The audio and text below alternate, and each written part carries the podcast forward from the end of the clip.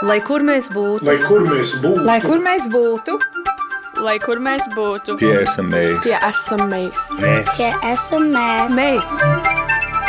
Tas ir par mums, tas ir par mums. Tas ir par mums. Globālais latvietis 21. gadsimts. Sveicināti Latvijas radio raidījuma Globālais latvietis 21. gadsimts klausītāji. Pagājušā nedēļa nesusi mums skumju ziņu. 29. septembrī 101 gada vecumā mūžībā aizgājusi diplomāte Aina Nagoba Cābols. Pieminot izcilo latvieti, piedāvājam atkārtojumā noklausīties sarunu, kas notika šovasar. Vien dažas dienas pēc gadsimta latvietes 101. dzimšanas dienas. Studijā bijām aicinājuši izstādes gadsimta latvieta kuratoru Rolandu Lapuķi. Izstāde gadsimta latvieta gan jau ir noslēgusies, bet stāsti un leģendas par Ainu Nagaba Cābols un viņas devumu Latvijai turpina dzīvot. Šodien atkārtojumā dzirdēsit arī sarunu ar Eiropas Latviešu apvienības pirmo priekšsēdi Daci Luteri Timmeli un Rietumē Eiropas Latviešu apvienības priekšsēdi Andri Zemīti, bet sarunu sāksim ar izstādes gadsimta latviete kuratoru Rolandu Lapuķi. Dalīsim sarunu divās daļās un sāksim ar gadsimta latvieti. Kāpēc gadsimta latviete? Vai mēs varam arī teikt, ka tāpēc, ka viņas dzīves gājums tik ļoti spilgti raksturo Latvijas vēsturi un pavērsienu punktus visas mūsu valsts vēsturē? Jā, noteikti. Jā, jā, par to pašu nosaukumu man tas nāca prātā, domājot par Viktoru Hugo un Laližonu de Sieklu gadsimtu leģenda. Tad es apvienoju to un es redzēju Ainas Ābols liktenī Latvijas vēsturi individu likteni, un kas ir uh, sieviete, kas ir pilnvērtīgi dzīvojusi veselu gadsimtu, jo ar 101. jubileju tad ir pilns gadsimts. Uh, tas vienkārši nenozīmē, ka, ka viņi tiek apbalvoti ar to, ka viņi būtu tā sieviete tajā gadsimtā. Nē, tas ir tas vienkārši konstatējums, ka reti ir tādi cilvēki, kas ir mācējuši pilnvērtīgi, tā kā viņi to darījusi neviena pat izdzīvot savu, savu mūžu mūžu. Viņi nonāca trimdā Vācijā, kā daudz arī tie vēlākie runātāji. Tad viņi aizbrauca uz Maroku, jo viņi bija franču zonā Tibingenā un dabūja iespēju kādu darbu paveikt lielajos projektos, ko francūži veids toreiz Marokā. Tas vēl piederēja Francijā. Francijai, bet viņi no 54. 5. gada ir sākusi dzīvot visa āboļu ģimene Francijā un tieši Levezinējā. Jā. Viņas vīrs ir bijis uzņēmējs, un Aina Nagaba Cābola pati ir lielu, lielu daļu sava mūža veltījusi bērnu audzināšanai un arī atbalstījusi vīru līdz liktenīgajiem viņas 70 gadiem. 70 gadu vecumā cilvēkam notiek milzu pavērsiens viņa dzīvē, kas, protams, sakrīt arī ar Latvijas tā brīža notikumiem un pavērsieniem. Uh, viņa kļūst par diplomāti 70 gadu vecumā. Jā. Es zinu, ka nedrīkst sievietēm uzsvērt to vecumu, bet šis ir tas gadījums, kad man liekas, tas ir tas abrīnas vērtais. Diplomātis karjeru viņa sāk uh, tajā brīdī, kad uh, man šķiet liela daļa saka, nu ko tad es vairs? Nu, ziniet, viņi jau e, grūtos apstākļos kara laikā, un tad vēl Vācijā viņi pabeidz zobārstniecības studijas. Mēs būtu varējuši domāt, ka viņa arī kļūs par zobārstu, bet viņa 49. gadā aprecēja Gunteru Ābolu, ko viņa jau pazina no otras ģimnāzijas laikiem, no 34. gada. Un, un viņa izvēlējās, ja viņa bija māte diviem bērniem. Es labi atceros, kā viņa stāstīja, ka bija tādi gadījumi no trimdā Francijā nebija tik grūti kā, sacīsim, Sibīrijā, tas ir skaidrs, bet tomēr viņi dažs ēdienu reiz palaid, lai bērniem būtu ko ēst, un tā viņa, viņa veltīja savu, savus pūles ģimenes dzīvei, bet viņi piedalījās ļoti aktīvi arī vīra uzņēmēju darbībā, jo ar savu gudrību, ar savu šarmu viņi mācīja arī noteikti atbalstīt, un viņi visus lēmumus pieņem kopā. Un tas ir tas, ja mēs pieminām viņu, mēs nevaram nepieminēt Guntāru Ābolu. Viņš ir ļoti liels erudīts un, un, un gudrs, un kad bija tas liktenīgais brīdis, kad viņi bija Vašingtonā uz Gunāra Mieroviča 70. jubileju, tad, tad 90. gadā, un Gunārs Mierovics bija bērnības draugs Ainai, viņš stādīja priekšā pāri, bet Gunārs raksta, Aina bija daudz apdāvinātāka. Viņai diplomātiskās dotības bija kāds man nebija. Tā kā bija skaidrs, ka komanda palikta tāpat, bet vadītāja lomā, it kā vadītāja lomā, tagad būs aina, kas sieviete. Pirmā Latvijas vēstniece, es domāju, vispār. Jā, jo es saprotu, ka tas brīdis, kad uh, Ābols kundzi uzrunā kļūt par diplomāti, kļūt uh, par, par vēstnieci uh, un sākt risināt tos. Uh, tos uzdevumus, kas viņai bija jāveic, tad, tad to izšķirošo lomu nospēlē tas fakts, ka viņai ir bijis vienkārši dabas dots diplomātes talants. Bet vai jūs varat ieskicēt to brīdi, kad viņa kļūst par, kad viņa uzsāk savus diplomātes gaitas, kas tajā mirklī notiek Latvijā un kāds tad ir tas viņas kā diplomātes devums? Nu, iedomāsimies, 90. gadā, 1990. gadā, 4. maijā notiek uh, Latvijas neatkarības atgūšanas deklarācija. Tātad mēs esam ceļā. Tā ir uh, augstākā padoma, kas pieņem šo lēmumu. Uh, tajā mēnesī Gunāram Mierovicam ir 70 gadi. Viņi ir Vašingtonā. Viņi stāv priekšā ar mūsu uh, diplomātijas vadītāju Un ko tas nozīmē? Tas nozīmē, ka viņš eh, bija mantinieks pilnvarotajām tiesībām. Pilnvarotās varas, ko prezidents Ulmans bija devis toreiz Kārlim Zariņam 40. gadā. Un viņš, kā vecmodīgs diplomāts, gudrs cilvēks, viņam jāsaprot, laika mainās. Un šeit ir acīm redzot, sieviete, talantīga, bet nu, vecmodīgs džentlmenis, viņam varbūt jāpadomā. Tas ir pirmais aspekts. Tajā brīdī uh, Francijas valdība uh, saņem vēstuli no Dinberkunga par to, ka mūsu Latvijas intereses pārstāv, pārstāv Latviju, Francijā varētu būt ainābola. Tajā brīdī francūži prasa, jā, mēs to labprāt pieņemsim, bet mēs gribētu kaut ko līdzīgu no um, Latvijas valdības, nu, 4. māja valdība.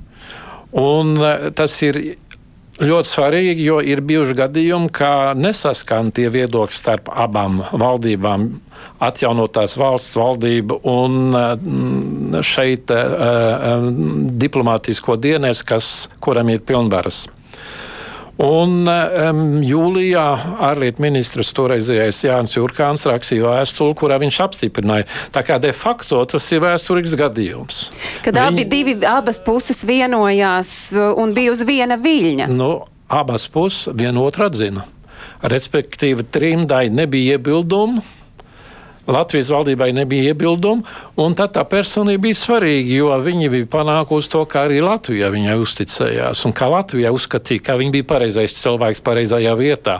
Nu, viņi bija vienīgie, man liekas, latvieši Francijā, kur bija pietiekami turīgi. Tas ir viens aspekts, bet arī tā gudrība. Viss, viņi mācīja ar visiem eh, sadzīvot, un eh, viņai prezidents Egils Levits pieminēja savā runā, ka bija sanāksme Vācijā, kur bija runa tieši par to, kā vajadzētu abas puses vienotru atzīt, un kā tieši advokāti tam ir esot bijusi aina ābols. Un tas bija vēsturiski, tas bija vajadzīgs, jo var sanākt nepatīkams problēmas.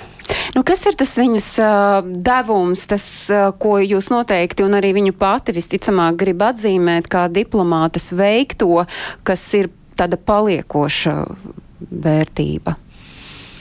Es domāju, ka šis ir viens vēsturisks aspekts, un viņš to abi divi tos pirmos gadus izdzīvoja un uzbūvēja attiecības, un ļoti daudzas vizītes notika, jo, nu, ko varēja citajā laikā, nu, atbrauc pirms janvāra notikumiem, piemēram, atbrauc deputāti.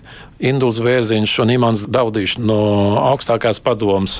Francūži pasaka, franču deputāti, parlamentārieši pasaka viņiem, mēs uh, esam par jūsu brīvību, mēs jūs atbalstām.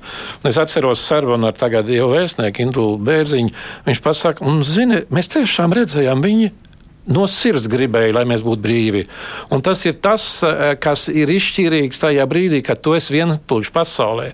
50 gadus bez neatkarības bijis, ir vajadzīgs šis atbalsts no visām pusēm, ka tu arī redzi, ka šādā valstī un Francija tajā, tajā laikā bija ļoti svarīga valsts Eiropā, vadīja Eiropas centrālo banku un tā tālāk. Tur, tur, tur es vairs nevaru atminēt visus tos posteņus. Tā kā Eiropas mērogā kā Francijas viedoklis bija ārkārtīgi svarīgs. Tajā brīdī bija vajadzīgs cilvēks tā kā viņa, kas ar neatlaidību, ar pacietību viņu aprakstīja franču diplomāti, kas viņu atcerējās no tiem laikiem. Viņi nekad nepalaidās, bet nekad nezaudēja arī pacietību. Viņi vienkārši, ja, ja, ja nebija pareizais brīdis, nāca atpakaļ un mācīja vienmēr pareizos vārdus atrāts, lai nenonāktu konfliktā, lai nebūtu zaudētājos. Un tas, ka nu, jūs jūsu stāstīto precīzi apliecina pašas ābols kundzes stāstītais intervijā pērn uz, uz simtgadi.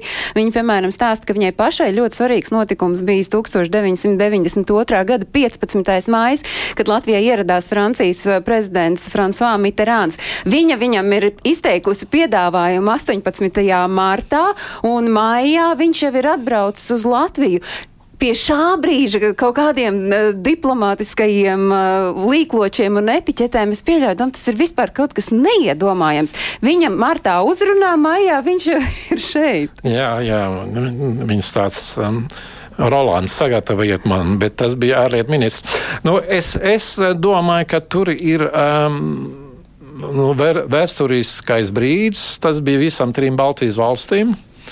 Un, eh, kad viņa gāja pie François Mitterāna, nu, viņam bija tikai četri gadi vairāk Viņš bija dzīves 1916. gadā. Tā bija nu, viens paudzes cilvēki, viens otru labi saprat.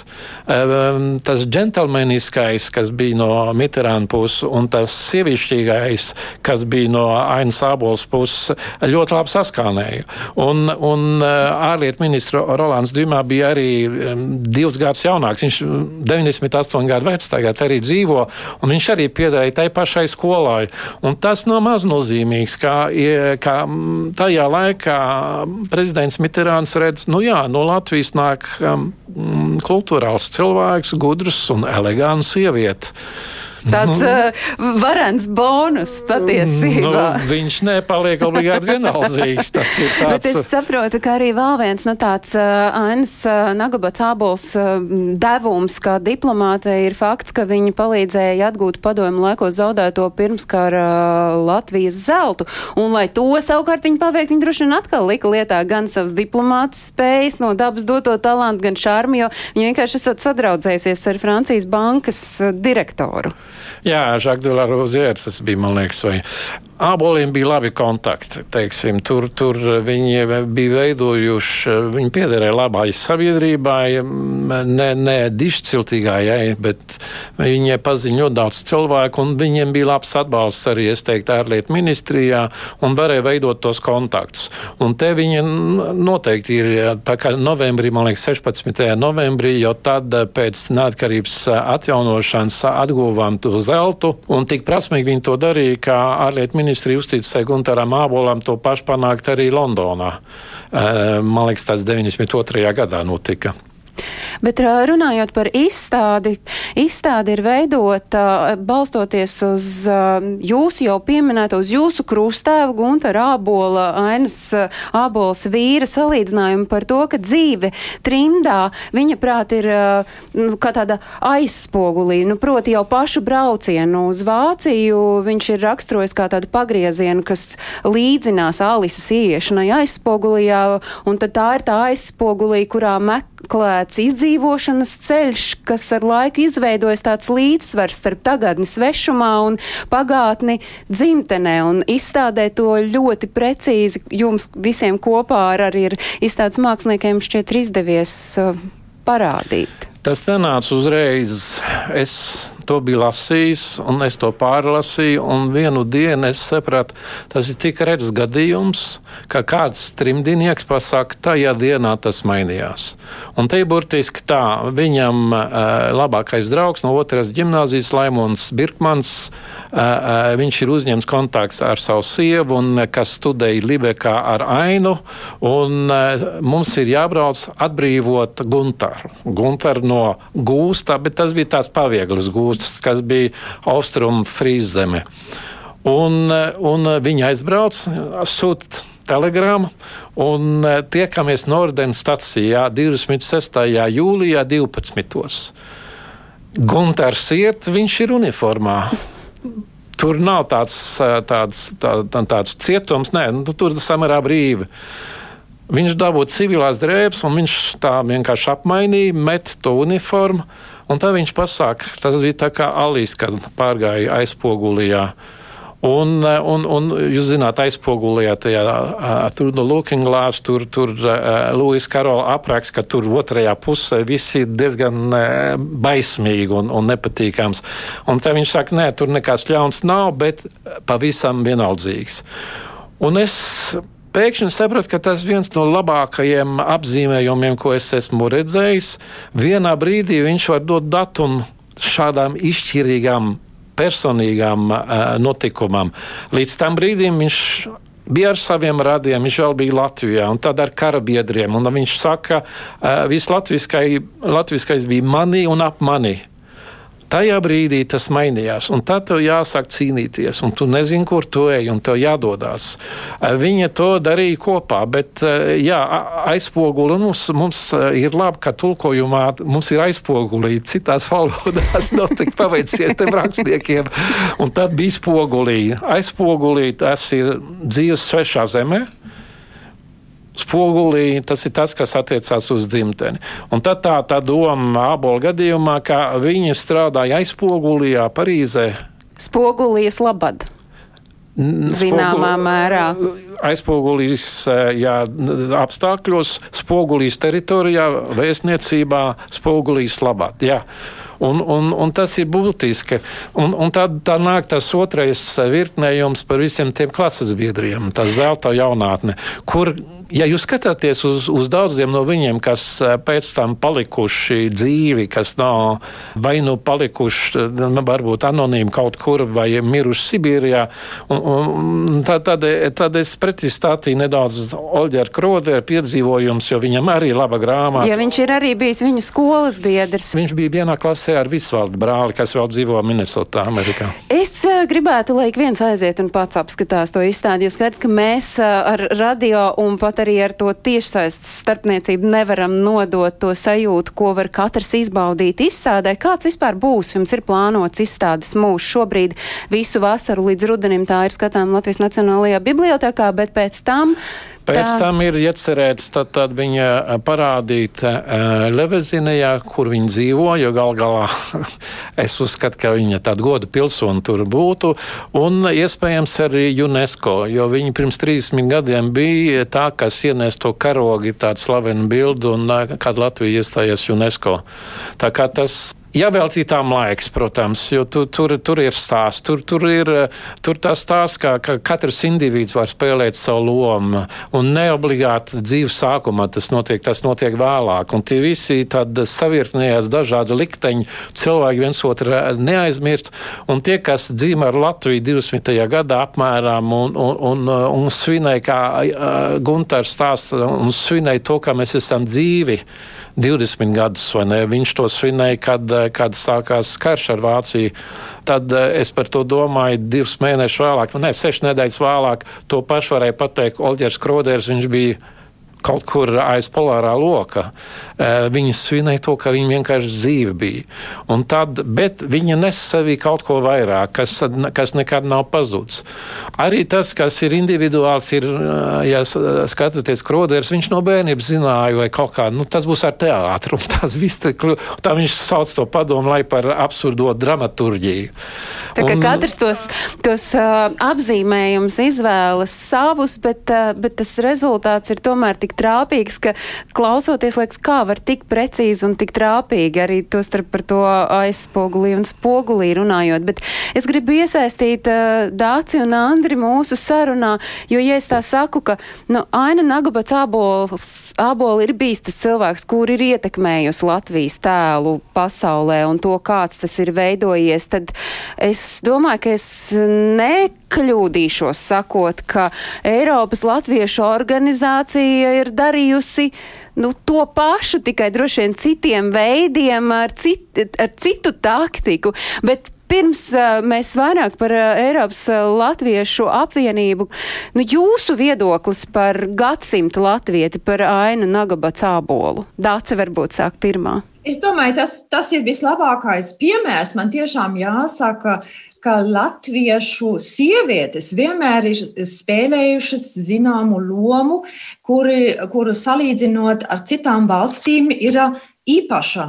Es to tieši varu, varu pateikt eh, no, no Vācijas viedokļa, jo Vācijā uh, ir vēl vienmēr tāds samērā vecmodīgs skats uz sieviešu lomu. Mums pat ir tas saucamais rābenmuter, eh, kā saka, piemērs, ka sievietes, eh, viņas vienmēr tiek vairāk vai mazāk tikai nostumtas savā ģimenes lomā, bet viņām nav vairāk iespējas sev pierādīt.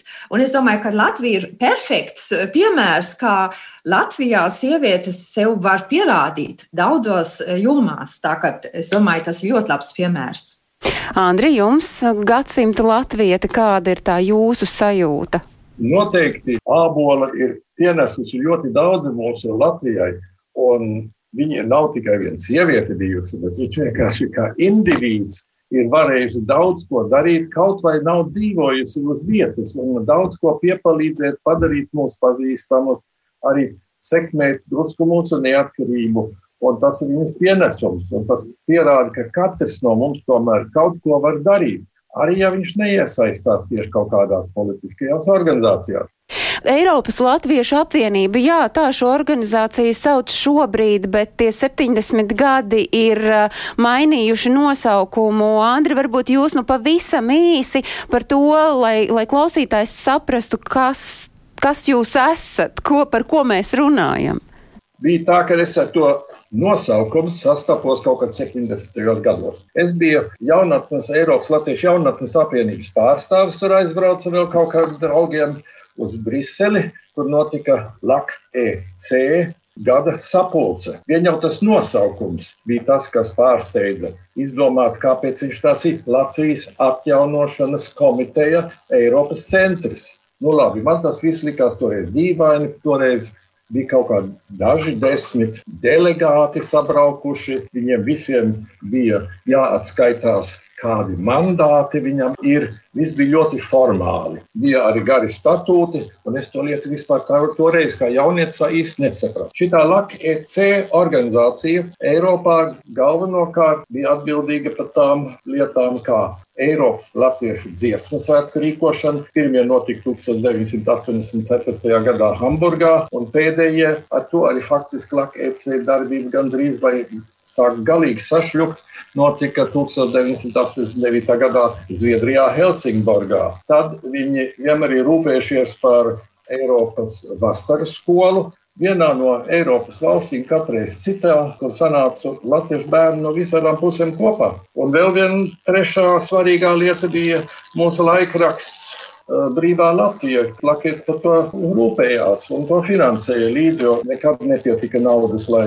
lai laikraksts varētu sev no abonentu maksām finansēt. Tie bija tie galvenie uzdevumi līdz um, Latvijas neatkarības atgūšanai tiesa dace, un tad tur notika atkal pavērsiens, atkal nosaukumu maiņa no šī LAK-EC kļūst par Rietumēropas Latviešu apvienību. Vai mainās arī tas ko jūs uh, redzat tajā organizācijas darbībā? Es gribētu teikt, ka uh, es pārņēmu Rietumlatviešu apvienību kā Rietumlatviešu apvienību, bet ar iestāšanās procesu Eh, bija pilnīgi skaidrs, eh, ka šī nav eh, tikai viena rietumlatviešu apvienības vai rietumlatviešu lieta, bet tā ir visu latviešu e Eiropā lieta. Tā kā man bija paši pa sevi saprotams, ka mums būs jāpārdevējās, jo mūsu vecai trimdai piebiedrojās visi jaunie, jaunie trimdinieki, ja tā varētu teikt jo līdz ar Eiropas Savienību bija arī iespēja kustēties, brīvā darba spēka kustība deva visādas iespējas sev pierādīt un uh, nopelnīt arī citās vietās savu naudu. Un uh, bija skaidrs, kad mums ir jāiet laikiem, jauniem laikiem līdzi. Mēs jau neesam nekāda vēsturiska apvienība. Man bija pilnīgi skaidrs, ka to būs jāpārveido. Tā kā eh, man bija diezgan daudz eh, pieredzes ar visādām organizācijām, institūcijām un eh, likuma rakstīšanu un statūtu rakstīšanu. Es domāju, tas man bija, kā saka, diezgan viegli pārrakstīt tos statūtus un pārliecināt arī pārējos, ka mums ir jāpārveidojās un jāiet līdzi jauniem laikiem. Un tā mēs pārtapām no RLA uz ELA. Andris ceļ roku, kā tāds priekšzīmīgs skolēns. Jā, es jums dodu Jā, vārdu. Pirms uh, tapa šis vārds Eiropas Latviešu apvienība, tā organizācija desmit gadus tika nosaukta Rietumēropas Latviešu apvienība. Pārrakstījām statūtus, varētu teikt, nepārakstījām, bet uztaisījām burvīgus statūtus, kas bija tā nepilna puslapuse ar rakstām mašīnu uzrakstīts. Un tāda Eh, organizācijā tik maz statūtiem nekad vēl nav bijusi. Tomēr sanācām kopā, un Dace desmit gadus vēlāk, būdama juriste, jāsaprot, protams, šito lietu mainīja un uztaisīja kārtīgu statūtu. Bet, ja mēs runājam par to um, jūsu pieredzi un uh, droši vien arī zināmā mērā misijas apziņu tajā brīdī, tāds, kad jūs kļūstat par pirmo Eiropas Latviešu apvienības priekšsēdi, kas ir tas, ko jūs pati uh, varat teikt, tas ir mans milzu ieguvums, ieguldījums un arī patiesībā visu, ne tikai Eiropas Latviešu, bet visu Latviešu ieguvums? Es domāju, ka vienkārši jāzina, kad ir, nonāc, kad ir pienācis tas vēsturiskais moments, ka jā, jāizmanto to momentu. Un es domāju, ka eh, es tiešām es varētu teikt, eh, uzaugot trimdā, vienā patriotiskā latviešu ģimenē, es tā varu teikt. Es sapratu, ka, cik būtiski tas ir tagad pārveidot visu, lai viņš kļūtu, kā saka, ilgspējīgāks ar tām izmaiņām, ka eh, Latvija bija atkal neatkarīga un eh, radās arī attiecīgi budžets, kā vairāk atbalstīt trimdu. Es biju ļoti pateicīga, un mēs visi bijām ļoti pateicīgi, kad arī Latvijas valdība redzēja, ka trimdai vajag to atbalstu, un eh, mūsu skoliņām un tā tālāk. Tas bija ļoti svētīgi. Un es domāju, tā caur to, ka, ka mēs to pārveidojam tādā drusciņā uh, ilgspējīgākā struktūrā, tas, tas ir arī varā, var ilgāk dzīvot, kā varētu teikt. Un kas tad ir tie svarīgākie uzdevumi, ko Eiropas Latviešu apvienība, vēl pirms tam arī Rietuma Eiropas Latviešu apvienība 2000. gados pie kā ir strādājusi? Jo tur, protams, ar droši vien ir jāskatās, ka 2000. gadu sākumā bija uh, kādas citas prioritātes, 2000. beigās tās jau bija atkal citas mūsu trimdas nozīme ārkārtīgi izmainījās. Mums vairs nebija tik nozīmīgi kaut kā iejaukties tīri politiskās lietās, bet tajā brīdī, līdz 2000. gadam, un varbūt vēl drusku vēlāk, tieši arī humanitārās lietas bija ļoti svarīgas. Un tā Rietumē Eiropas Latviešu apvienības, uh, viņas prezidijas sēdes, kas bija paplašinātas, bieži arī izvērtās par tādu fórumu kur sanāca kopā un izmainīja pieredzes, kā mēs varam palīdzēt Latvijai kaut ko sagādāt, vai nu zinātnē, vai, vai vienkārši tikai apģērbā. Tas vēl spēlē toreiz lielu lomu. Nu, un pēc tam notikumiem, risinoties Eiropas Latviešu apvienības, tas fokus bija uz ko? Jā, es teiktu, ka mēs kļuvām zināmā mērā arī pēc tam, vēl mēs kļuvām politiski, jo mēs jau visu laiku bijām sastāvdaļa no brīvo pasaules latviešu apvienības. Un līdz ar to, kā ELA bija pārstāvēta PVLA, kā to saīsina, mēs, protams, arī gribējām tādu drusciņu vairāk lobēt, ja tā varētu teikt, Eiropas lietas, jo tomēr ir tā, ka tas smagumpunkts bija pārvietojies. Agrāk bija jautājums, vai Latvija iestāsies NATO, vai, bet, bet ar Eiropu, tā kā Latvija pati ir atrodas uz Eiropas kontinenta, tad, protams, arī um, ASV bija vēl, vēl ar vien svarīga, jo tur mums not, notiek daudz lobēšana pie uh, ASV valdības, bet tomēr tā kā Latvija būdama uh, Eiropā, uh, mums arī Eiropas Savienība bija būtisks jautājums. Un es domāju, ka uh, tieši arī uh, sakarā ar citām Eiropas uh, apvienībām, tā saucamām Europeans Throughout the World, piemēram, Tā ir viena apvienība, kurā angažējās visi cilvēki, kuri ir it kā ārzemnieki citā Eiropas Savienības valstī, piemēram, kuriem ir specifiskas problēmas saistītas ar to faktu, ka viņi dzīvo ārzemēs. Viņiem ir izskološanas jautājums, kā uzturēt identitāti, kultūru un tā tālāk. Un šie jautājumi jau nav izmainījušies. Tādā ziņā mēs turpinājām lobēt latviešu intereses, bet šoreiz vairāk tādā Eiropas Savienības kontekstā. Bet vai nav tā, ka jums eh, tas laiks bija arī izaicinājums, kad nācās domāt, kā apvienot uh, veco trimdu un jauno trimdu vai veco diasporu, jauno diasporu, te mēs mūžīgi stīvējamies par tiem eh, terminiem, kā labāk to noformulēt, bet uh, tas arī ir bijis jūsu darbības laika izaicinājums. Jā, bet es domāju, tur tik lielas uh, starpības nemaz nav. Uh, vecai trimdai, es vispār es šito diasporu un tā tālāk, man šis nosaukums vispār nepatīk. Es vienmēr runāju par visiem latviešiem Eiropā. Punkts. Un, uh, un visiem bija taču tomēr vienmēr tas, tas tie, tie paši jautājumi ka bērni sāk iet skolā, viņi nonāk tādā vecumā, ka viņiem jāiet skolā, tad viņi ir svešā skolā, tur mācās to formālo izglītību, viņiem ir tā formālā izglītība no mītņu zemes, bet viņiem trūkst latviešu valoda, viņiem trūkst uh, uh, gramatika, uh, geogrāfija, vēsture. Man, es atceros, uh, es būdama, es, es uzaugu vienā vietā, kur vispār nebija kādu laiku Tad vispār nebija latviešu bērni, un mani vecāki man mocīja ar vienu privātu skolotāju nedēļas nogalēs, pat 70. gados, kad mums bija tā krīze, kur nebija eļļa. Tur viņš pat brauca ar riteni pie mums, lai man mocītu svētdienās.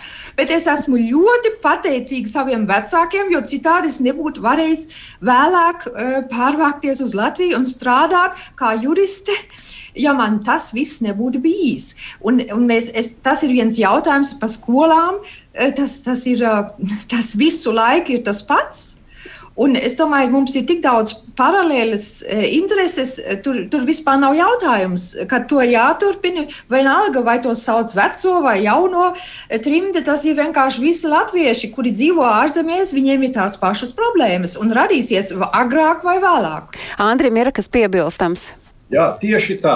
Agrāk vai vēlāk tas nāk. Un tas nenāca pirmajos gados, kad saprata, ka bērni uzaugot svešā zemē, ja viņi nesatiekās ar citiem un vecāki nevar to spulcināt, ka tad tur nekas labs nevar iznākt. Nu, var iznākt, bet tas būtu izņēmums.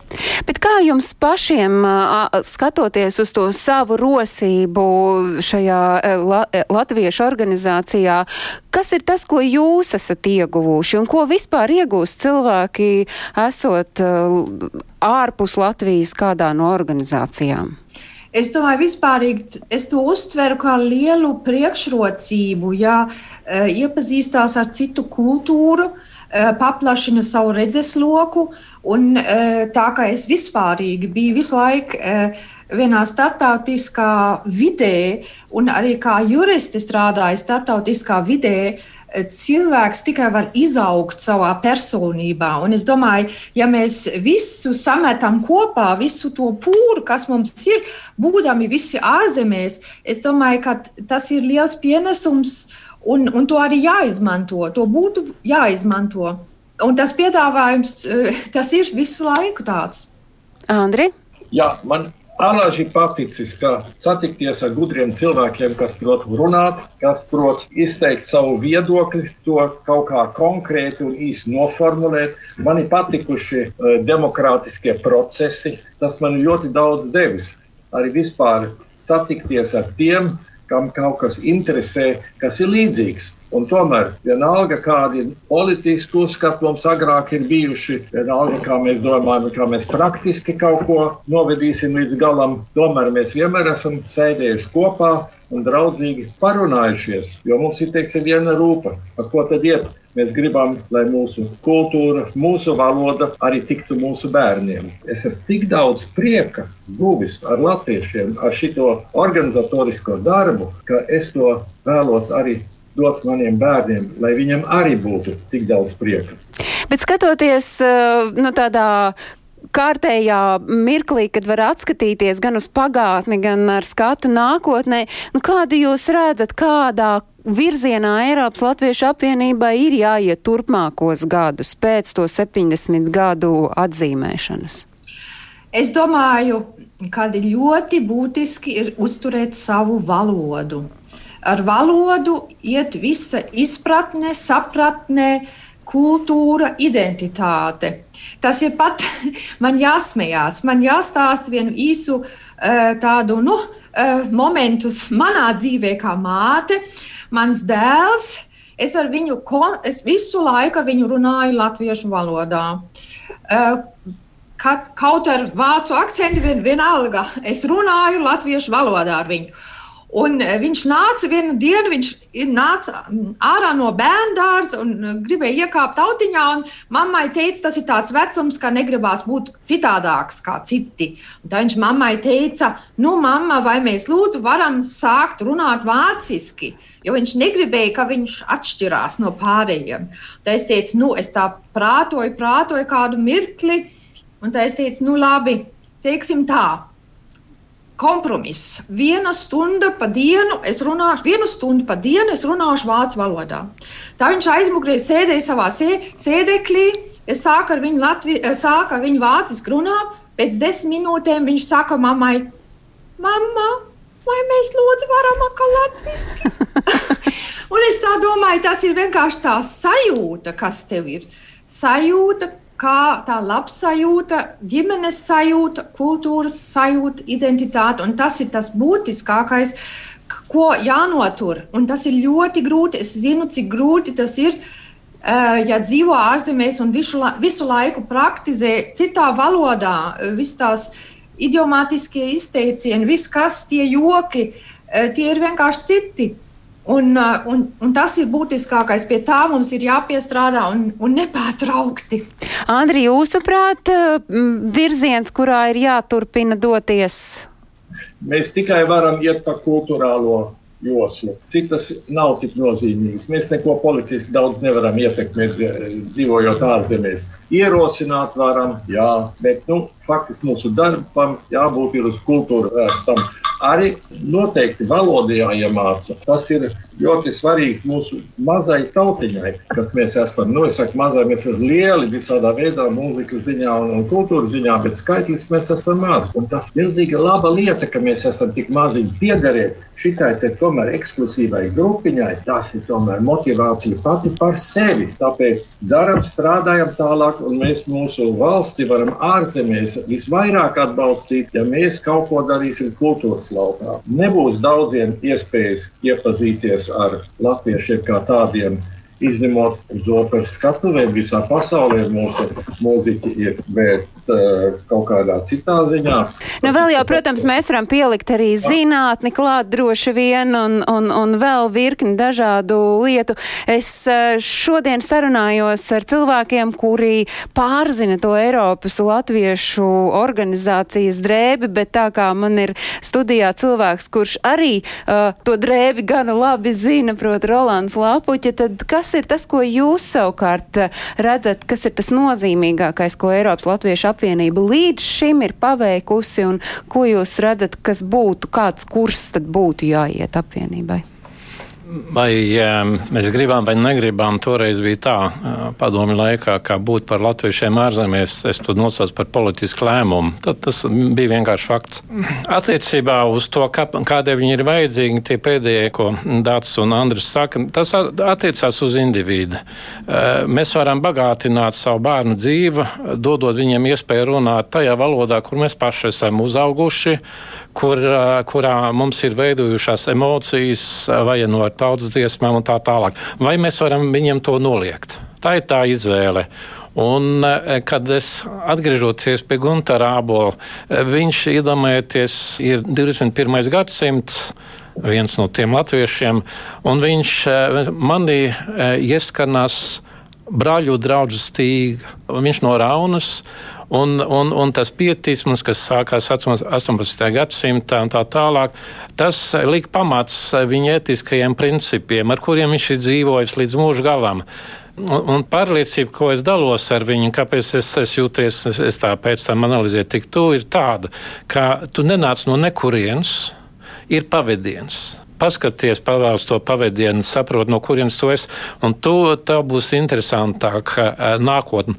Un tad toreiz, eh, kad es biju atbildīgs par diasporu, es, es tiem, tiem vecākiem teicu, nenoliedziet saviem eh, bērniem būt par uh, iespējams topošo arķībiskāps, jo Elmārs Rodzīts tur bija, viņš arī skraidījis šeit, vai par Latvijas prezidentu. Dodiet viņam tās pašas iespējas. Nes, nepadariet viņus nabadzīgākus, sašaurinot viņu pasaules uztvēru ar vienu valodu. Tas ir dumji. Var tā izvēlēties, protams, bet tas nav varbūt tas labākais. Nu, tie ir tie ceļvārdi, ko mēs šobrīd varam ielikt tajā dāvanu grozā, ko mēs uh, dāvināsim Eiropas Latviešu apvienībai 70. pastāvēšanas gada dienā. Es saku paldies uh, cilvēkiem, bez kuriem Eiropas Latviešu apvienība visticamāk būtu pavisam citādāka. Uh, Dāca Lutere Timelē, Eiropas Latviešu apvienības pirmā priekšsēdē, Andris Zemīts, Rietuma Eiropas Latviešu apvienības priekšsēdē priekšsēdis.